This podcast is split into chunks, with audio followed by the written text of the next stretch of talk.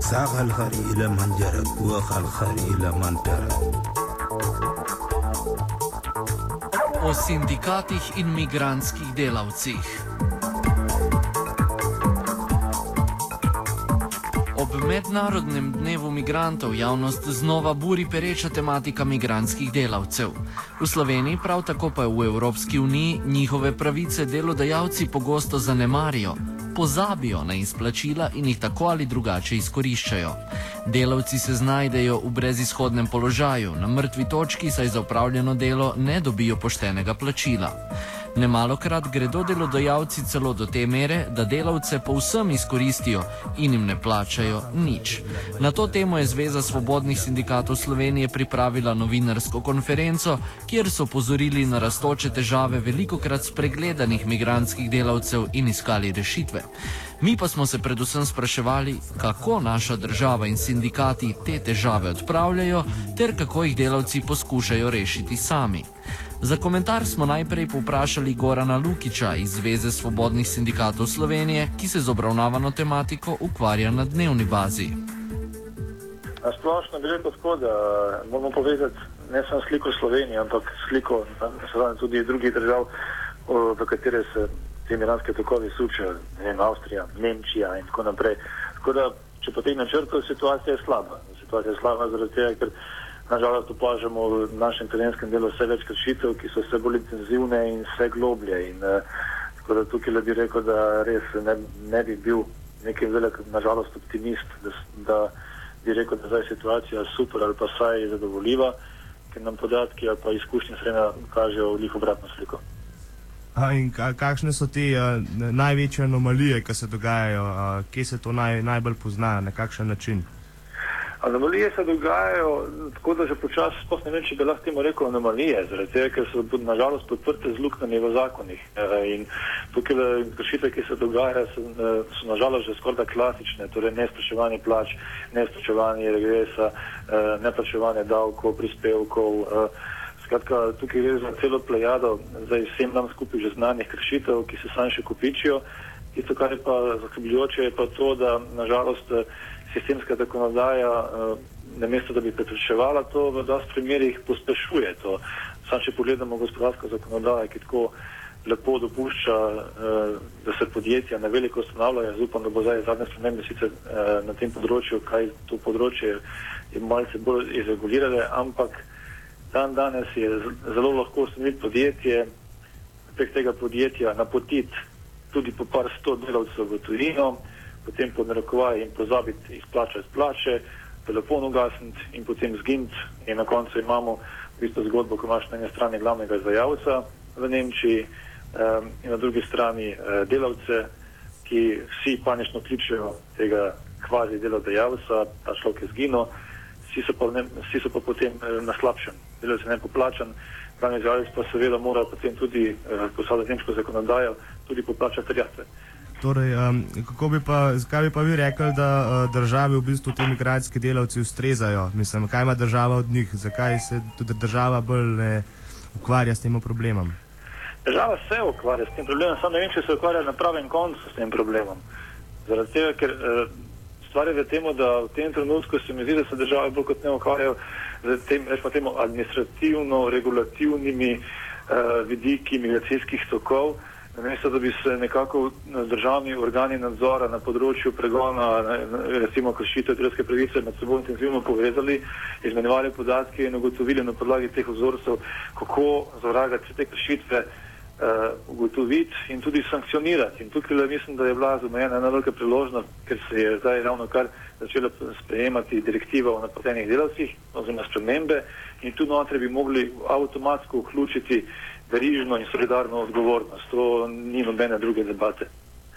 Uh, da, ampak nažalost je prišlo pa že tega, da določenim to ni bilo všeč, da bi to direktivo to dali in uh, jaz upam, da bo v Evropskem parlamentu zdaj se kaj stvari spremenile. Da, če potegnemo črto v tej točki, bi rekel, da na nivoju Evropske unije zagotovo je premalo zavedanja o tem, da prostor tok uh, dela in storitev prinaša tudi odgovornost. Kaj, kakšne so glavne um, glavni cilji sindikata oziroma kaj uh, sindikat počne v tej smeri, da bi pomagal tem delavcem? Ja, v tej smeri je zdaj naše delo uh, vse bolj usmerjeno torej v intenzivno učenje, če lahko temu tako rečemo, zaradi tega, ker vemo, da migracije nimajo mej in zato tudi naše delo ne more biti zelo omejeno z slovensko, avstrijsko ali pa ne vem, kjer mejo. Seveda tukaj za zadnje čase zelo intenzivno se povezujemo z, predvsem z nemškimi sindikati, da lahko potem ab, absolutno prioritetno obravnavamo vse te primere kršitev in se že kažejo prvi konkretni rezultati našega sodelovanja, ko dobijo delavci eh, toliko plačane, recimo, eh, za ostale plačila. صراخ الخير إلى من جارك وخ الخير إلى من جارك Govorili smo tudi z Arminom Salihovičem, nekdanjim voditeljem odaje Viza za budučnost na Radiu Študent in bivšim aktivistom iz mreže nevidnih delavcev sveta. Med drugim smo govorili tudi o vlogi Zveze svobodnih sindikatov Slovenije pri zagotavljanju pravic migranskih delavcev. Poslušajmo še krajši pogovor z njim. Kot aktivist moram reči, da prvo nisem aktiven že, že nekaj časa na tem področju, ampak recimo leta 2009 na 10 uh, so bili sindikati edino medijator med uh, aktivisti in vlado, takrat uh, mislim bolj na ministrstvu, kar se gre. Izborili so takrat, bom rekel, za delovne migrante edino socialno pomoč, ker niso mogli v okviru te zakonodaje nič uh, uh, ponuditi oziroma izboriti. Zdaj, uh, oni so se vedno nekako postavljali kot nek medijator med vlado in civilno inicijativo. Zdaj, kaj se na terenu dogaja glede nekih inicijativ civilne družbe, uh, ni, ni kaj dost vidno na vzvan, ampak zdaj tudi migracije niso več iste, kot so bile prej, ker večina migrantov se je odselila naprej po Evropi, nekje migrirala. Ali ali za domača podjetja, ki izvajajo dela na, na, uh, po Evropi, ali za tuja podjetja, to je, to je zdaj uh, abstraktno reči. Uh, zdaj, ka, na kaj se, uh, kam se je usmerila ta njihova debata, ni mi znano, kar lahko povem, da sindikati dejansko so zagovarjali vedno neka, neka že neke že obstoječe prakse, ki izvajajo se v družbi. Mislim, niso zagovarjali na nek način, niso mi tvegali toliko, da bi si izborili oziroma da bi izborili pravice za, za neke večje, boljše pravice za delavce imigrante. Zdaj, zdaj ne vem, kaj bi še dodatno lahko rekel.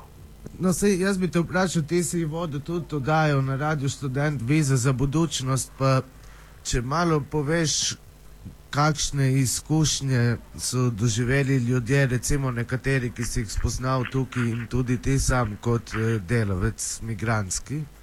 Pa mi smo imeli oddajo na Rešu, uh, ki je nekako dala glas delavcev in, uh, in so sindikati takrat nekako bili odrinjeni od, od neke svoje, svoje inicijative, ker so vedno se nekako sklicevali na treba se učlaniti v sindikat in znotraj sindikata se izboriti za neke, neka, neka stajališča oziroma za neke, neke, neke, neke korake, na kak način se izboriti kaj.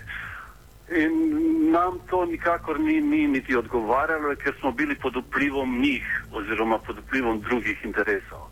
Mislim, izhajali so vedno iz, iz ne vem, nekih stvari, ki, ki, ki, niso šle v pridelavcem, bi rekel. Mislim, tudi njim samim ni bilo jasno, ker, ker mislim, na začetku, ko smo mi začeli kot uh, inicijativo o nevidni delavci sveta, oni so se bolj fokusirali na neka nacionalna vprašanja. Mi smo bili vedno migranski delavci, nismo pa bili delavci. In, in tu je ta stvar za nas bila končana. Mislim, pa so druge stvari, argumente, kar se tiče, oziroma dejstva, ki se tiče nekih nastanitvi pogojev dela, so nekako argumentirali v zmanjševanje kvote stopa migranskih delavcev v, v, v državo. Na, na nek način so skušali prenesti neke obveznosti na delodajalce. Naš cilj je pa bil, da se čim več delavec prosti nekega vpliva delodajalca na, na delo. In tu, tu se je naša pot razhajala nekako. London Booty.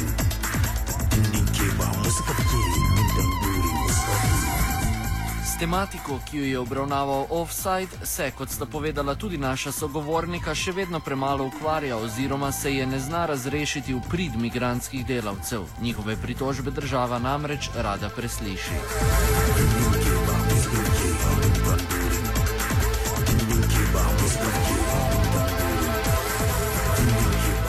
Offside sta pripravila Urh in Mateuš.